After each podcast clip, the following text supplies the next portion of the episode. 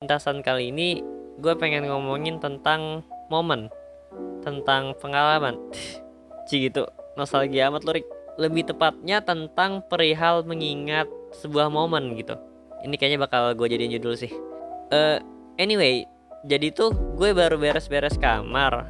Kayak barang-barang di lemari sama laci gue tuh gue keluarin semua sampai lantai di kamar gue tuh penuh banget sama baju sama buku-buku gitu sama kertas. Ya barang-barang aneh lah yang ya kebanyakan gak penting sih. Uh, waktu gue lagi milih barang mana yang bakal gue buang atau yang bakal gue simpan lagi gitu gue tuh nemu semacam lipatan kertas gitu. Dan waktu gue buka ternyata isinya itu semacam tulisan ya semacam dream list gue gitu waktu SMA jadi hari pertama masuk kelas di awal SMA gue tuh ada pelajaran BK apa sih kayak psikologi gitu bimbingan konseling lah ya. Gue inget banget guru gue ngawalin kelas dengan ngasih selembar kertas HVS dan nyuruh kita satu kelas buat nulis harapan selama di SMA sama kampus impian juga setelah SMA gitu. Ya walaupun gak semua yang gue tulis itu tercapai tapi ya setidaknya ini tuh bukti sejarah kalau gue pernah berharap atas uh, satu hal gitu dan menuliskannya di kertas. Tapi gini, gue nggak pengen bahas tentang list mimpi atau harapannya. Cuman ya, dengan gue nemu lipatan kertas yang isinya dream list SMA, which is uh, gue tulis tiga tahun yang lalu, gue jadi malah berhenti bentar gitu buat beresin kamar. Ya sedikit berkontemplasi gitu kayak, wah ternyata gue udah sejauh ini gitu. Kayak udah jadi mahasiswa aja. Elariku sok dramatisasi gitu sih gitu. Uh, menurut gue lipatan kertas itu emang ya nggak ada nilainya itu cuman tulisan di atas kertas doang dan nggak bisa diuangin juga kali. Ya karena ngapain dijual? Nggak ada yang mau beli juga kocak. Justru karena nggak bisa dijual itu sifatnya kan ya pribadi banget gitu kan ya justru yang bikin mahal itu ya pengalaman gue atas barang itu gitu. Ternyata gue pernah punya momen sama barang itu. Gue jadi bisa merecall memori pengalaman gue dulu karena adanya barang tadi. Kalau biasanya kan kita nginget-nginget pengalaman ya paling lewat foto nggak sih? Kayak apa-apa tuh sekarang kalau habis ada acara apa gitu sama temen lu di kampus lu ada event atau lu lagi rapat atau uh, sekedar belajar bareng gitu sama teman-teman lu gitu. Kayak dikit-dikit pasti foto gitu gak sih? Ya kebanyakan lah ya. Dan ya uh, emang segampang itu gitu buat ngabadin momen lewat terutama gambar visual gitu ya. Ya lu tinggal buka HP terus buka kamera ya kagak ribet aja gitu. Kayak siapa sih yang nggak punya HP kalau sekarang tuh? Uh, cuman ya kalau lu coba inget-inget lagi pengalaman lu lewat foto ya kesannya tuh ada momen-momen yang kalau kita rasa itu kayak ya terlihat fake aja gitu. Lu kan kalau foto biasanya kan ada tuh teman-teman lu yang kayak ngasih aba-aba gitu secara nggak langsung kayak ayo foto-foto kita sini sini.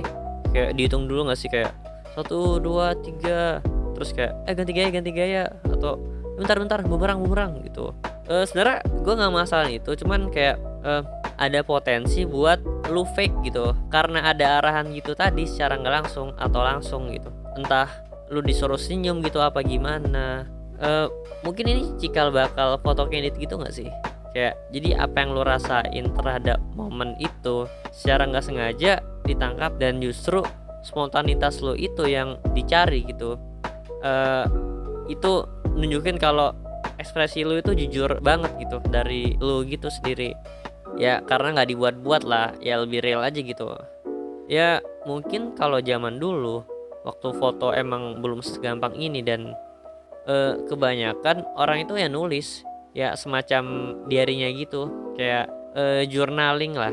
Terus biasanya dimasukin di blog gitu kan. Ya emang menarik sih ya karena uh, ada detail-detail yang nggak ada di foto dan itu juga cara lain buat nginget momen gitu momen tertentu gitu dan dan ngejelasin apa yang nggak bisa foto lakuin tadi. Entah itu sekedar hobi lu atau gimana pun ya itu semacam cara lain lah buat nginget momen tertentu gitu. Nah sebenarnya ada cara lain buat nginget pengalaman lu dan ingetan-ingetan dulu yaitu dengan lagu. Mungkin dulu gue kalau denger lagu ya gitu-gitu doang gak sih? Kayak ya udah buat have fun doang gitu. Entah sengaja atau enggak kebanyakan momen-momen yang gue alamin di waktu itu kebetulan aja gue lagi denger lagu gitu dan dan lagu itu secara nggak langsung itu jadi kayak semacam backsound pengalaman lu gitu. Lu kalau sering lihat video-video after movie event gitu atau kayak video dokumentasi gitu entah di YouTube atau di Instagram justru yang bikin kita ngefeel banget itu ya karena ada lagunya nggak sih? Kayak karena lagunya tuh disesuaikan aja gitu sama momennya. Lu bisa milih gitu uh, ini ada momen ini dan lu nyesuaiin lagu apa yang pas dengan momen itu gitu. Kalau momen-momen atau pengalaman lu tuh kan kayak nggak sengaja gitu. Kebetulan aja gue lagi denger lagu gitu. Ya kayak kebetulan aja gue lagi ngalamin kejadian tertentu misalnya dan lagunya itu lagi dimainin gitu entah lu denger lewat kafe atau mungkin uh, lu lagi di tempat wisata apa gitu yang ada lagunya atau terus lu denger kayak gue tuh punya momen sama lagu ini gitu. Kadang sampai lirik-liriknya tuh pas banget sama momennya. Kayak kok bisa ya? gitu. Dan kebanyakan secara nggak langsung gue tuh jadi punya apa ya gue tuh ngecap lagu-lagu tertentu gitu sama momen itu dan dan nggak cuman momen bahkan sampai uh, orang-orang tertentu gitu kayak uh, tiap orang tuh punya lagunya sendiri gitu. Tiap orang punya soundtracknya masing-masing gitu kayak film gitu. Ya menariknya itu dengan lu nginget lagu yang justru ini yang nggak ada di foto nggak ada di tulisan dan barang valuable gitu yang sentimental tadi seolah-olah tuh apa yang lo rasain terhadap momen tertentu itu udah bisa diwakilin sama lagu. Basicnya tuh ya nada lagu itu kan ada mayor sama minor. Kalau mayor itu ngerepresentasiin bahagia senang dan kebalikannya nada minor itu cenderung ya musik-musik sedih gitu.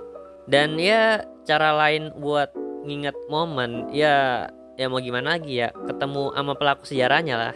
Mungkin lu reunian atau temen SD lu yang nggak sengaja lu ketemu waktu di kampus gitu dan ternyata kayak kita satu kampus gitu ya menarik juga sih ya. Karena beban buat ngingetnya itu nggak cuman lo doang dan lebih ada perspektif yang beragam gitu. Bisa dua arah atau beberapa arah gitu. Terus kenapa gitu kita mesti nginget-nginget pengalaman dulu-dulu gitu? Ya ya udah nggak sirik kayak pengalaman tuh ya lewat aja. Ada hidup yang mesti dilanjutin gitu. Ya emang sih. Tapi ya lu jangan larut-larut banget juga lah. Lu boleh lihat ke belakang tapi bukan untuk kembali gitu justru lu bisa lebih aware dengan apa yang lu rasain dari pengalaman itu. Kayak gue tuh tahu kalau gue senang tuh kalau lagi ngapain dan waktu ngapain gitu atau diapain gitu. Dan sebaliknya gue tahu kalau gue sedih karena apa karena mungkin temen gue ngapain gitu. Lagian uh, ini tuh juga bisa jadi refleksi diri gitu loh. Dan dan juga semua pengalaman itu yang kebentuk lo sampai sekarang kan oke mungkin segitu aja pintasan kali ini. Semoga lo bisa menambah pengalaman lebih banyak lagi dengan banyak orang yang berbeda-beda. Karena lo termasuk orang yang beruntung dengan punya pengalaman yang banyak. Dan saran gue kalau lo punya uang lebih dari kebutuhan lo daripada lo cuma sekedar beli barang yang lo suka tapi ya nggak berlebihan juga lah. Kenapa nggak lo coba beli pengalaman? Mungkin dengan liburan bareng keluarga lo mungkin dengan nonton konser sama temen lo misalnya. Atau ya sekedar makan bareng gitu. Apa pun sebenarnya yang berupa pengalaman. Lebih dari itu karena pengalaman itu semua yang ngebentuk lo hingga sekarang. Terakhir dari gue semua ada jalan pintasnya asal lo tahu jalannya